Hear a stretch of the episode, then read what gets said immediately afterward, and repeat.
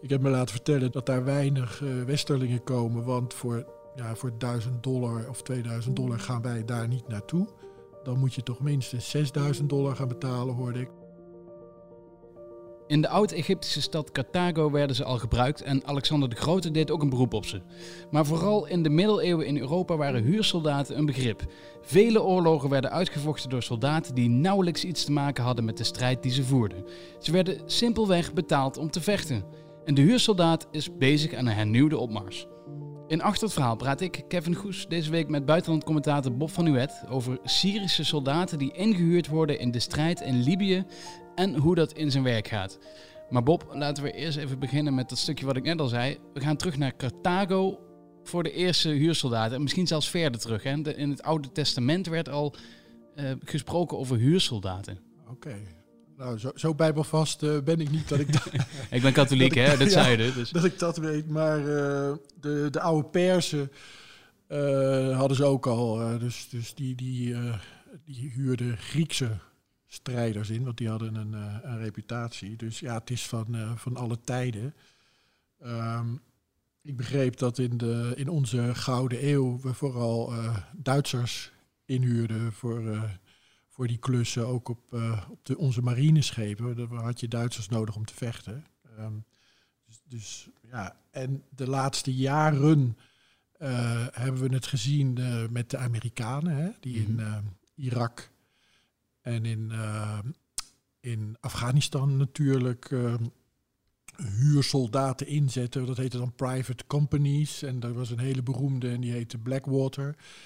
En uh, ja, die, die, daar zijn ook films over gemaakt. Waar kwamen die dan vandaan?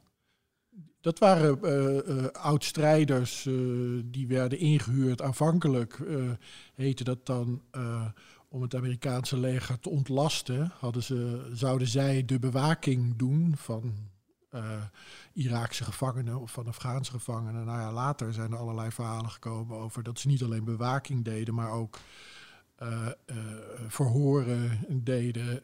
ze hadden allerlei missies. Ik bedoel, van bewakers werden het eigenlijk ontzettend goed uitgeruste strijders die we dan in allerlei films ook uh, hebben teruggezien. Ja, want dat is het met, met huursoldaten. Hè? Huursoldaten hangt een beetje een zweem van mysterieuze eh, zaken omheen. Hè? Het zijn namelijk niet de mensen die, die echt strijden voor een, ja, voor een beter land of voor een betere toekomst. Ze worden gewoon ingehuurd om een strijd te vechten.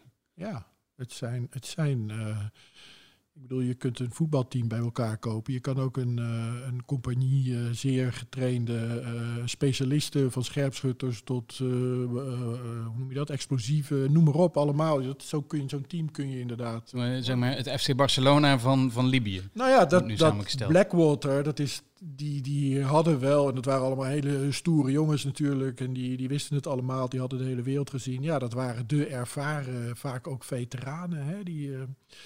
En die verdiende daar, daar goed. En het, het opmerkelijke is dat uh, terwijl uh, we zien dat onder vooral door Trump zie je dat het Amerikaanse leger zich uit allerlei delen van de wereld aan het terugtrekken is.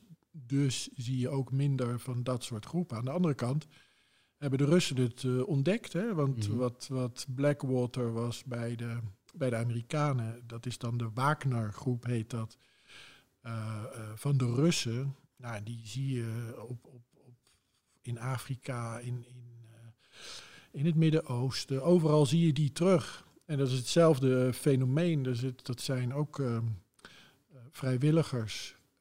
Dat zijn vaak veteranen. Het zijn ook vaak Tsjetsjenen. Het zijn, ze komen overal vandaan. En die, die knappen het vuile werk op voor de Russen. Want dat is ook een kant van dat verhaal natuurlijk. Ja, daar gaan we dadelijk naartoe, naar, hoe het nu zit. Maar eh, toch nog even uh, naar vroeger, naar die huursoldaten. Waarom werden die eigenlijk ingehuurd? Waarom eh, werd het niet gedaan met bijvoorbeeld in, in middeleeuws Engeland met mannen van, ja, van de, streek zelf? Ja, nou, het, het, um, het belang, de belangrijkste reden om met huursoldaten te werken is eigenlijk altijd dezelfde gebleven. Want leiders uh, vinden het nooit zo fijn als hun eigen mensen sneuvelen. Dat moet je thuis gaan uitleggen. Hè? En, en als jij zegt, we gaan uh, met z'n allen noem maar wat, in de middeleeuwen gaan met z'n allen een, een, deel van Engeland veroveren. Dan zal iedereen juichen. Tot het moment dat de prijs daarvoor betaald moet worden. En dat zijn dan een heleboel doden uit het dorp. Nou, wat Vaak ook boeren natuurlijk. Exact, exact. Ja.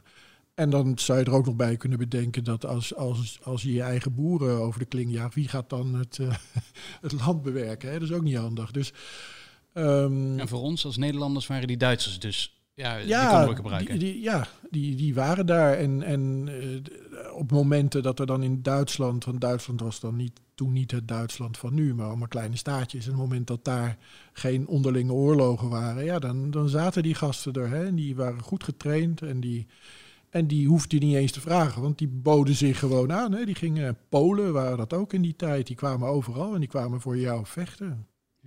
Nu naar de tijd van nu, hè? want we, we, hebben het over, uh, over Libië. Daar is inderdaad al jaren een strijd gaande. Um, daar worden nu Syrische soldaten ingezet. Ja. Die hebben net een eigen strijd achter de rug. Of daar is eigenlijk nog van alles aan, aan de hand in Syrië. En toch worden die ingezet in Libië. Hoe, hoe werkt dat? Nou, ik, ik werd eigenlijk getriggerd door een verhaal in, uh, in Der Spiegel. Die hebben iets, iets heel opmerkelijks uh, voor elkaar gekregen. Die hebben namelijk uh, twee strijders gevonden die in Syrië aan andere kant vochten. Hè. Dus daar vochten tegen elkaar. ze tegen elkaar, kun je zeggen. Ze komen allebei uit Homs, Syrische stad. En diezelfde gasten, die vechten nu weer tegen elkaar, maar dan in Libië. En de een is gerecruiteerd uh, door de Turken en de ander uh, door de Russen. En zij, uh, ja, zij, zij geven een beetje een kijkje in de keuken van hoe dat in werkelijkheid is. Hè. Maar we hebben het dus over een burgeroorlog in Libië. Ja. Waar de Russen en de Turken met Syrische strijders zich mee bemoeien. Ja, en niet alleen de Russen en de Turken, want uh, de Egyptenaren, de Verenigde Arabische Emiraten, Qatar, een beetje Frankrijk, een beetje Italië, iedereen is daar, is daar bezig. En dat heet dan geen oorlog tussen al die landen. Uh, formeel bieden zij dan steun aan de strijdende partijen in Libië en daar is een burgeroorlog aan de gang. Maar eigenlijk uh, draait dit om, om, om veel grotere belangen en het grote de grote aantrekkingskracht van Libië is dat daar oliebronnen zijn en dat daar heel veel miljarden worden verdiend. En wie daar uh, de greep op heeft, ja, dan is het er wel waard natuurlijk om, uh, om daar aanwezig te zijn met militairen. Ja, maar, maar, toch even naar dat, dat punt dat, dat je dus Rusland hebt en Turkije, die, die halen allebei strijders. Die staan dus in dit conflict recht tegenover elkaar. Al zeggen ze van niet, hè? al zeggen ze van we hebben er niks mee te maken. Maar die gaan dus naar Syrië en die, die, die, die komen daar met een verkooppraatje. Eh, moet je het zo zien? Nou, verkooppraatjes, hoeven niks te verkopen. Die zijn allebei uh, zeer machtig en hebben hun belangen. Het belang van uh, Turkije is. Turkije heeft een soort droom om, om toch wel controle over de Middellandse Zee te krijgen. Nou, dat loopt, dan heb je zo'n lijn van Turkije en dan kun je uh, Cyprus erbij halen. En dan ga je naar de overkant in Libië. En daar, is dan ook, daar zijn die oliebronnen. Dat is, wel, dat is allemaal heel, heel, heel veel geld. En, en goed als je, daar, uh, als je daar greep op hebt. De Russen hebben natuurlijk, die hebben zelf wel olie, maar die hebben ook wel uh, belangen daar, economische belangen. Maar wat nog belangrijker voor de Russen is, die. Um, ja, die, die willen ook hun aanwezigheid in de Middellandse Zee willen ze onderstrepen. Amerikanen zijn daar. En ik denk niet dat de Amerikanen het leuk vinden als de Russen, die hebben al een steunpunt uh, in Syrië. Stel dat ze nog een oorlogshaven in, uh, in Libië zouden krijgen, wat denk ik wel de bedoeling is. Uh, nou ja, dat is dus dat hele grote spel wat, wat wordt gespeeld. En dan is het triest als je leest dat dat eigenlijk wordt uitgevochten met een stel ja, arme sloebers in feite uit Homs die net een oorlog achter de rug hebben. Weet je? 2000 dollar, las ik. Ja, dat is dan de, was dan de best betaalde. Die werd door de Turken betaald. Die kreeg 2000 dollar. En de man die door de uh, Russen werd betaald, die kreeg 1000 dollar. Maar die had dan weer een, uh, een, regeling dat hij eens per kwartaal een maand met vakantie mocht. En die werd dan betaald. Ja, weet je, dat soort dingen. En dan zou je kunnen zeggen, van, ja, maar wie, wie doet dat? Nou, dat doen mensen die... Um, die thuis, hebben, Exact, die niks te verliezen hebben, die geen geld hebben, die ook hun, hun uh, gezinnen moeten onderhouden. En ook vaak die geloven in allerlei praatjes. Hè? En dat niks te verliezen hebben, is dat iets wat, wat door de jaren heen eigenlijk bij die huursoldaten altijd het geval is? Um, ik heb daar met wat, wat mensen over gesproken. Wat je dan hoort, je hebt een, je hebt een categorie die gaat uh, bijvoorbeeld uh, de, de, mensen die ook uit Nederland naar Syrië gingen hè, om voor de jihadisten te vechten. Dat is die groep die gaat. geloof. Ja. Precies, religieuze fanatici noemen ze zo. Nou, dan heb je mensen die puur om economische redenen die kant op gaan. Wat ik heel opmerkelijk vond om te, te lezen was dat die burgeroorlog in Libië, dat er nauwelijks Libiërs zijn die daar vechten. Dus het zijn Soedanezen, het zijn mensen uit Eritrea, Somalië, veel, um, dus, dus Russen en Syriërs. Um, dat is toch is opmerkelijk. Nou, een groot deel van die groep puur om het geld. Dat zijn, uh, ja, dat zijn, zijn vaak armoedzaaiers, jonge jongens, die dan ook nog eens een keer worden belogen. Hè? Want ik, ik las er eens een groep um, Soedanezen waren dat, die dachten dat ze, uh, als ze daar naartoe zouden gaan, een mooi contract zouden kunnen krijgen van het, bij het leger van Qatar.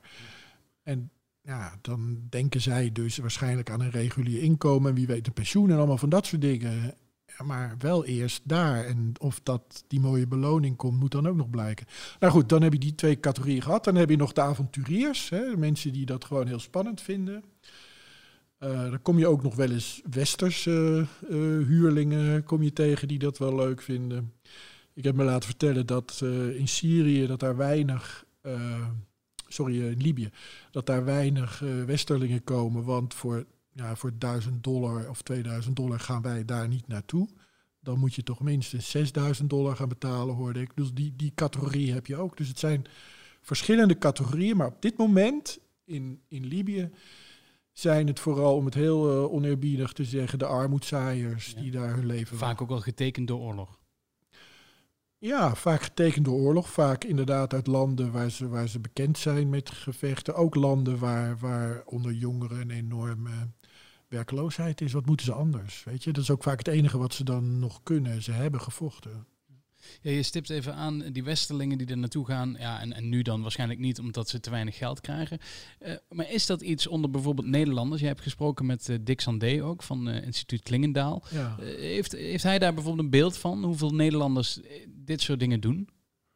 Nou, hij, hij had het over die groep die naar um, in Syrië is geweest. Hè. Dus dan heb je aan de ene kant jongens die dat doen vanuit hun geloof. er waren er een paar Nederlanders die uh, aan de kant van de Koerden uh, hebben gevochten tegen uh, islamitische staat. Maar dat, die zaten allemaal weer in die categorie avonturiers ook. Hè? Of, of, of jongens die ideologische redenen hadden om dat te doen, maar echt om het geld niet. Nee. Er zijn... maar die avonturiers, dat vind ik wel een, een interessante. Want dat, dat is natuurlijk ook een beetje het Vreemdelingenlegioen. Dat, ja. dat, dat, past hier volgens mij niet helemaal in. Hè? Het Vreemdelingenlegioen is niet Nee, maar daar, daar zaten Nederlanders. Uh, ik ken er zelfs uh, eentje. En die, uh, die had het na een paar maanden daar wel gezien. Die vond het helemaal niet zo leuk. En toen had hij wel een probleem. Want toen ging hij, hij is ontsnapt hè, uit het Vreemdelingenlegioen. En ehm, ja, die heeft als, als pech, of pech, als probleem... dat hij gewoon niet meer naar Frankrijk kan. Want hij is gewoon uit dienst gegaan daar. Nog altijd is dat. Uh, dat is nog steeds van, van kracht. Ja, nou is het niet zo dat bij uh, aan de grens alle paspoorten worden gecontroleerd. Maar stel dat, heeft hij wel een probleem. Want uh, ja, hij, is, hij is er vandoor gegaan. En, en het Vreemdelingenlegioen werd eigenlijk door Frankrijk om dezelfde reden gebruikt. Hè. Frankrijk was heel actief in, in Afrika met name. Nou, hetzelfde verhaal het, is, het maakt wel een verschil of dat er iemand uit het Vreemdelingenlegioen sneuvelt. of dat jouw soldaten in, uh, in bodybags terugkomen. Dus daar, die Fransen gebruikten het ook. Uh. Ja, het wordt dus nu in, in Libië veel gedaan. Uh, is het iets wat, wat weer echt een, aan een opmars bezig is? En ook in andere landen, dat je het steeds vaker weer ziet?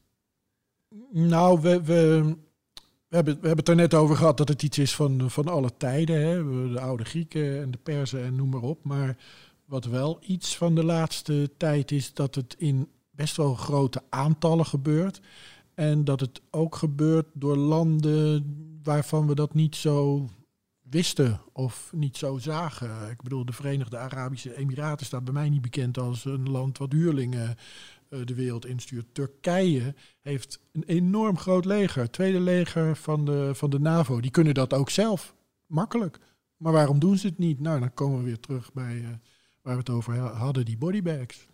Ja, en is dat dus iets wat je, wat je dan nu ziet, dat, dat mensen als Erdogan, uh, Poetin, heel berekenend bezig zijn van welke mensen zetten we waar in? Ja, die weten dat. En de Russen hebben daar trouwens, of de Sovjets uh, waren het destijds, hele akelige ervaringen mee. Want die zaten in, in Afghanistan en dat leek allemaal makkie te zijn daar. Nou, volgens mij is niemand makkelijk, heeft makkelijk gevochten in Afghanistan. Maar die Russen die kregen dus ook te maken met daar deden ze heel geheimzinnig over. Maar dat kun je op een gegeven moment niet meer verbergen. Dus als uit, uit een dorp ergens uh, diep in de Oeral, als daar drie, vier uh, jongens zijn gegaan en die zijn uh, nooit meer teruggekomen of in een bodybag teruggekomen. Ja, dat, dat leidt niet tot steun aan, aan de regering, aan het regime. Dus dit. Ja, en deze mensen zijn toch expendable. Ja, voor de, dat is heel, heel uh, cynisch, maar zo is het wel. Het, het, het, het, het politieke risico van huurlingen is voor het thuisfront veel lager. Ik denk niet dat er mensen de straat op gaan om te zeggen van goh, al die Soedanezen of die Eritreërs die voor, voor ons tussen aanhalingstekens uh, zijn gesneuveld, daar moet je mee stoppen. Dat, dat, niemand ligt daar wakker van. Nee, nee. Vond je dit verhaal van Bob van Nuent nu interessant? Luister dan ook eens naar eh, aflevering 47 van Achter het Verhaal. Daarin vertelt Bob over Joden die na de Tweede Wereldoorlog terugkwamen van concentratiekampen en merkten dat ze niet meer welkom waren in hun eigen land, stad en zelfs huis. Die aflevering is te vinden op Spotify en andere podcast-apps, net als alle andere afleveringen van uh, Achter het Verhaal. Bob, dankjewel voor deze keer weer. Graag gedaan.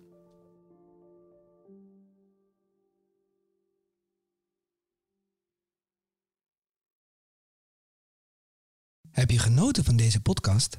Luister dan ook eens naar de podcast Le Cycliste. Daarin ga ik, Jerry Huinder, op bezoek bij Kees Graafland in Zuid-Frankrijk. Hij woont aan de voet van de Mont Aigual in de Cevennes. Je weet wel, die berg waar Tim Crabbe zo lyrisch over was in zijn bekroonde boek De Renner. En waar de zesde etappe van de Tour de France dit jaar eindigt. Samen met Kees ga ik op zoek naar de verhalen achter de Mont Aigual een podcast over extreem weer, vuur, eten, oorlog en een moord. Nu te vinden op ad.nl, Spotify en iTunes.